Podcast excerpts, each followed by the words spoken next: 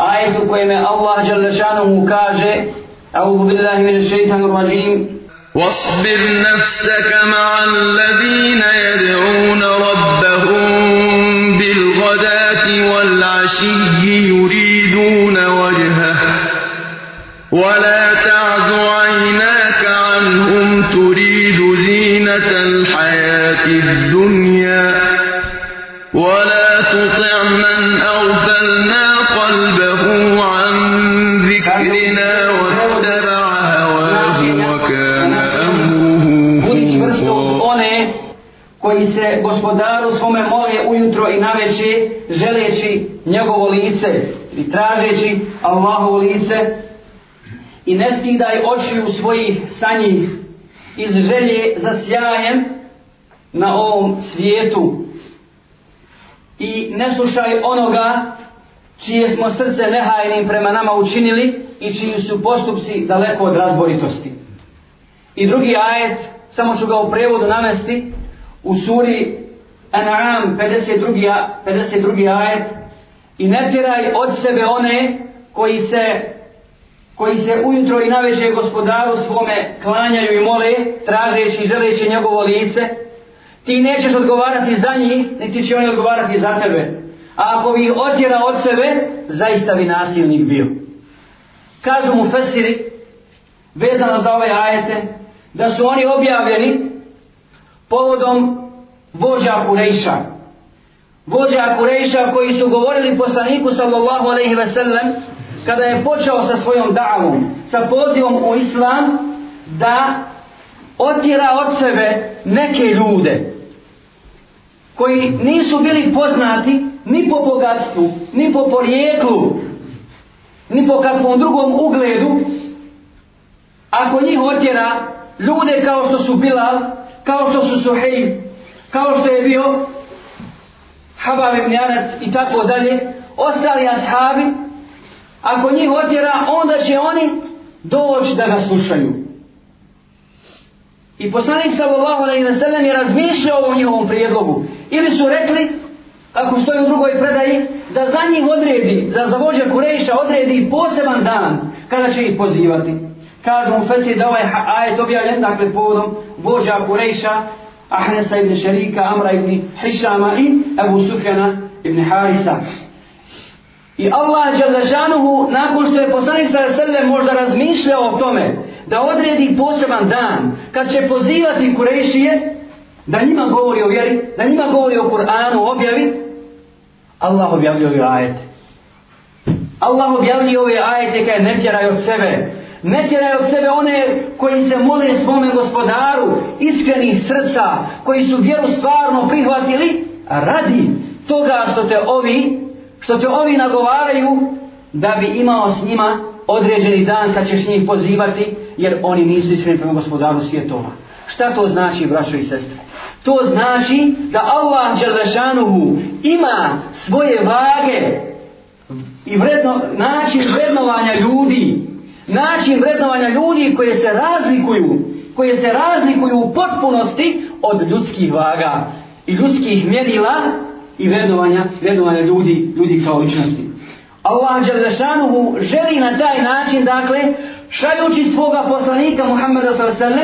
da se te vage, koje Allah objavljuje, s kojima je Allah zadovoljan, sprovedu u životu, sprovedu u praksi, da se njegov zakon, da se njegov zakon koji on objavljuje i s kojim je on zadovoljan, sprovede u životu, a ne da bude samo abstrakcija, a ne da bude samo gola tvrdnja, ne da bude samo, samo riječ.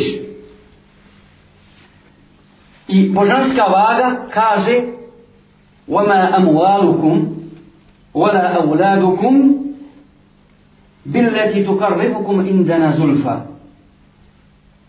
neće vas ni vaši meci ni vaša djeca približiti nam neće vas vaši meci i vaša djeca približiti Allahu Đalešanuhu illa men amila amila men, men amila amelan saliha osim onoga ko bude radio dobra djela to je božanska vaga to je mjerilo koje Allah Đalešanuhu priznaje i objavljuje ni metak, ni bogatstvo, ni porijeklo neće te približiti samo posebi gospodaru svjetova, ni tvoj položaj koji zauzmaš u, dru, zauzmaš u društvu, nego dobra djela koja radiš u ime Allaha Đalešanuhu i tvoj odnos prema gospodaru svjetova. Zato kaže uzvišeni, ovo je pravilo, pravilo Islama. Inne akramakum inda Allahe tkako.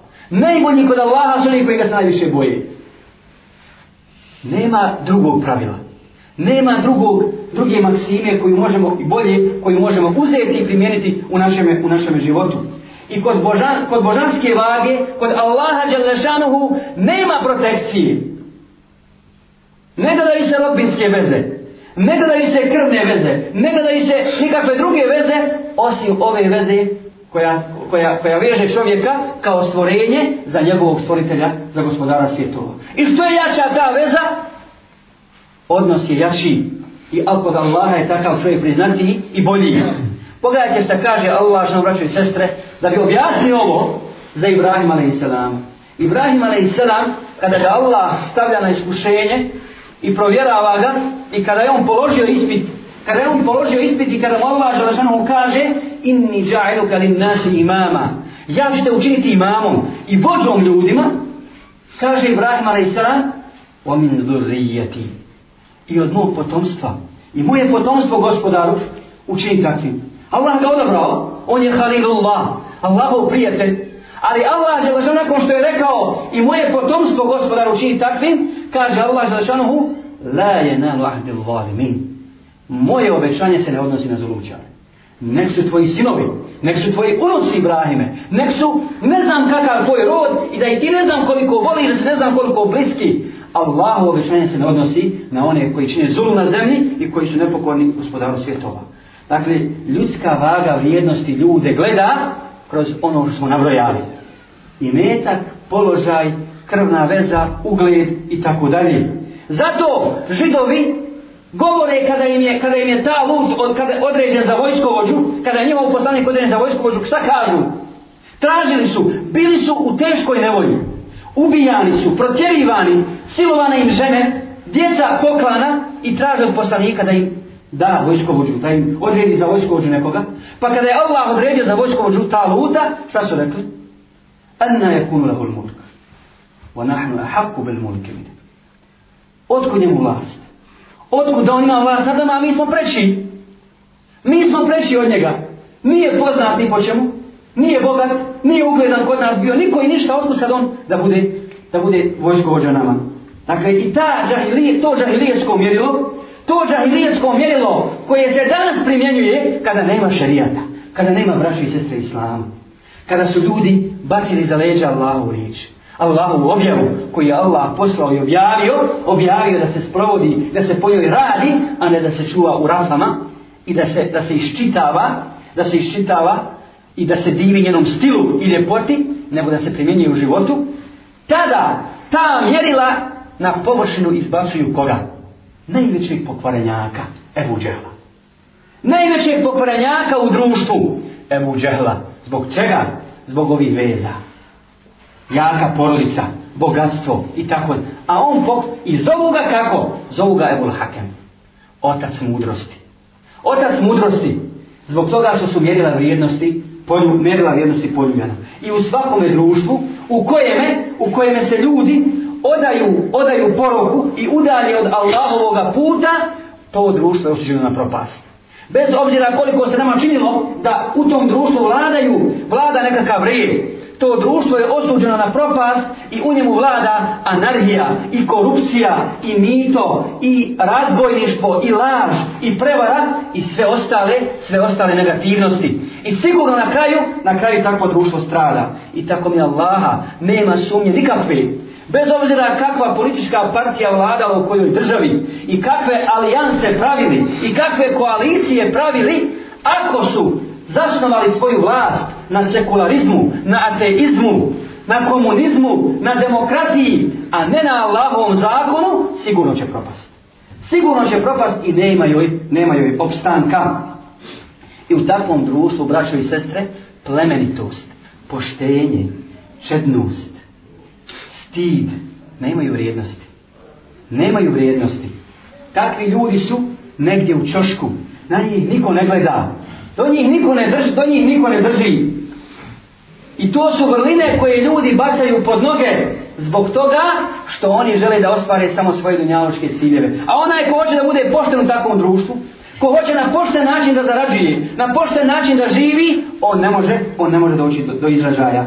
Ali, kada se uspostavi šerijat, kada se uspostavi Allahov zakon, onda Ebul Hakem, kako su ga dva otac mudrosti, dobija svoje pravo ime. Ebu Džehl, otac neznanja. Otac neznanja, ne otac mudrosti. Poslanik sve se na tako ga naziva. I onda Bilal, Bilal koji u vrijeme Ebu Džehla nije vredio ni jedne marke, prodavao se kod trgovačka roba kao roblje, zauzima svoje pravo mjesto. Zauzima svoje pravo i potvrđuje se kao čovjek, kao ličnost. Ka, I to kakva ličnost? I to kakva ličnost? Ličnost i karakter i osoba i vrlina i vrijednost i veličina koju bi svako od nas poželio. Svako bi od nas poželio da bude kao bila. Zašto? Zato što kaže poslanik sa sallam, tako mi Allaha ja sam čuo, ja sam čuo to pot ili bat Bilalovih koraka u džennetu. I pogledajte, pogledajte šta kaže, šta kaže, šta se kaže u jednoj predaji. Kada je poslanik sa sallam osvajao Meku, kada je osvajao Meku, Ebu Sufjan je tek tada primio Islam radijallahu ta'ala. I Bilal je sa svojom družinom, sa još nekim ashabima, čekao. I kada je naišao Ebu Sufjan pored njih, rekli su, uvijedili su ga. Nisu mogli da ga ne uvijedi, iako je već postao musliman. Rekli su, zaista, Allahova vjera nije vidjela hajra od ovih. Do sad, dakle, do sad Allahova vjera ili Allahove sablje nisu postigli vidjeli nikog hajra od ovih. Pa se naljuti Ebu Sufjan Naljutio se već prije primio islam i obratio se Ebu Bekru i kaže uvrijedio me je bila, rekao mi je tako i tako. Pa je bil, otišao Ebu Bekr srdit, ljud, do Bilala, izružio ga i otišao je poslaniku sa veselem i kaže, ja Rasulallah, znaš li šta je uradio Bilal? Kaže, šta je uradio Ebu Bekr? Kaj je tako i tako je rekao Ebu Sufjan. Kaže, poslanik sa veselem, ljutiš li se Ebu Bekr? Jel se ljutiš na Bilala? Kaj, kako da se ne ljuti kada je to rekao? Ako se kaj ti ljutiš na Bilala, Allah se ljuti na tebe. Ako se ti ljutiš na Bilala, Allah se ljuti na tebe. Dakle, Bilal koji je podnio teret, koji je ponio emanet vjere, koji je bio uz poslanika sallallahu alaihi ve sellem, sada doživljava takav stepen da srđba ili ljutna na njega izaziva Allahu srđbu. Izaziva Allahu srđbu. U isto vrijeme kako bilježi Ibn Hišam u svojoj siri, novi muslimani koji su tek prihvatili islam, između njih u Tabi ibn Usej, Abu Sufjan ibn Haris i Haris ibn Hišam sjeli su na stranu da vidi šta se to dešava. Pa je poslanik sa Selem tom istom Bilalu naredio šta? Naredio mu je da se da se pokne na kjavu i da uči jezama. I kad su oni to vidjeli, međusobno su razgovarali, začudili se, Zašto pogledajte ljudskog mjerila? Kako ne može da se pomiri istini kad pobjeri istina? Pa kaže Hišam ibn Haris ili Haris ibn Hišam kaže hvala, i kad je čuo da uči Ezan Bila e, hvala Allahu kad je moj babo Hišam umro a da nije dočekao ovaj dan da vidi ovoga srnog groba kako uči Ezan. A kaže ovaj drugi E, je li imao Muhammed ikog drugog, osim ovog crnog gavrana, da njega, da, da, on, da on uči, da on uči je za se. Zahjav. A evo, Sufjan ibn Haris, kaj ja neću ništa govoriti. Znači, nije on nije bio zadovoljan, ali kaj neće, ja neću, ja ću šutiti. Znači, svojom šutnom je izrazio nezadovoljstvo. I to je mjerilo ljudsko. To je ljudska vaga. Kako ljudi, kako ljudi vagaju, kako, kako mjere i gledaju, gledaju na određene, određene ličnosti. Crni gavran, jel? Ja.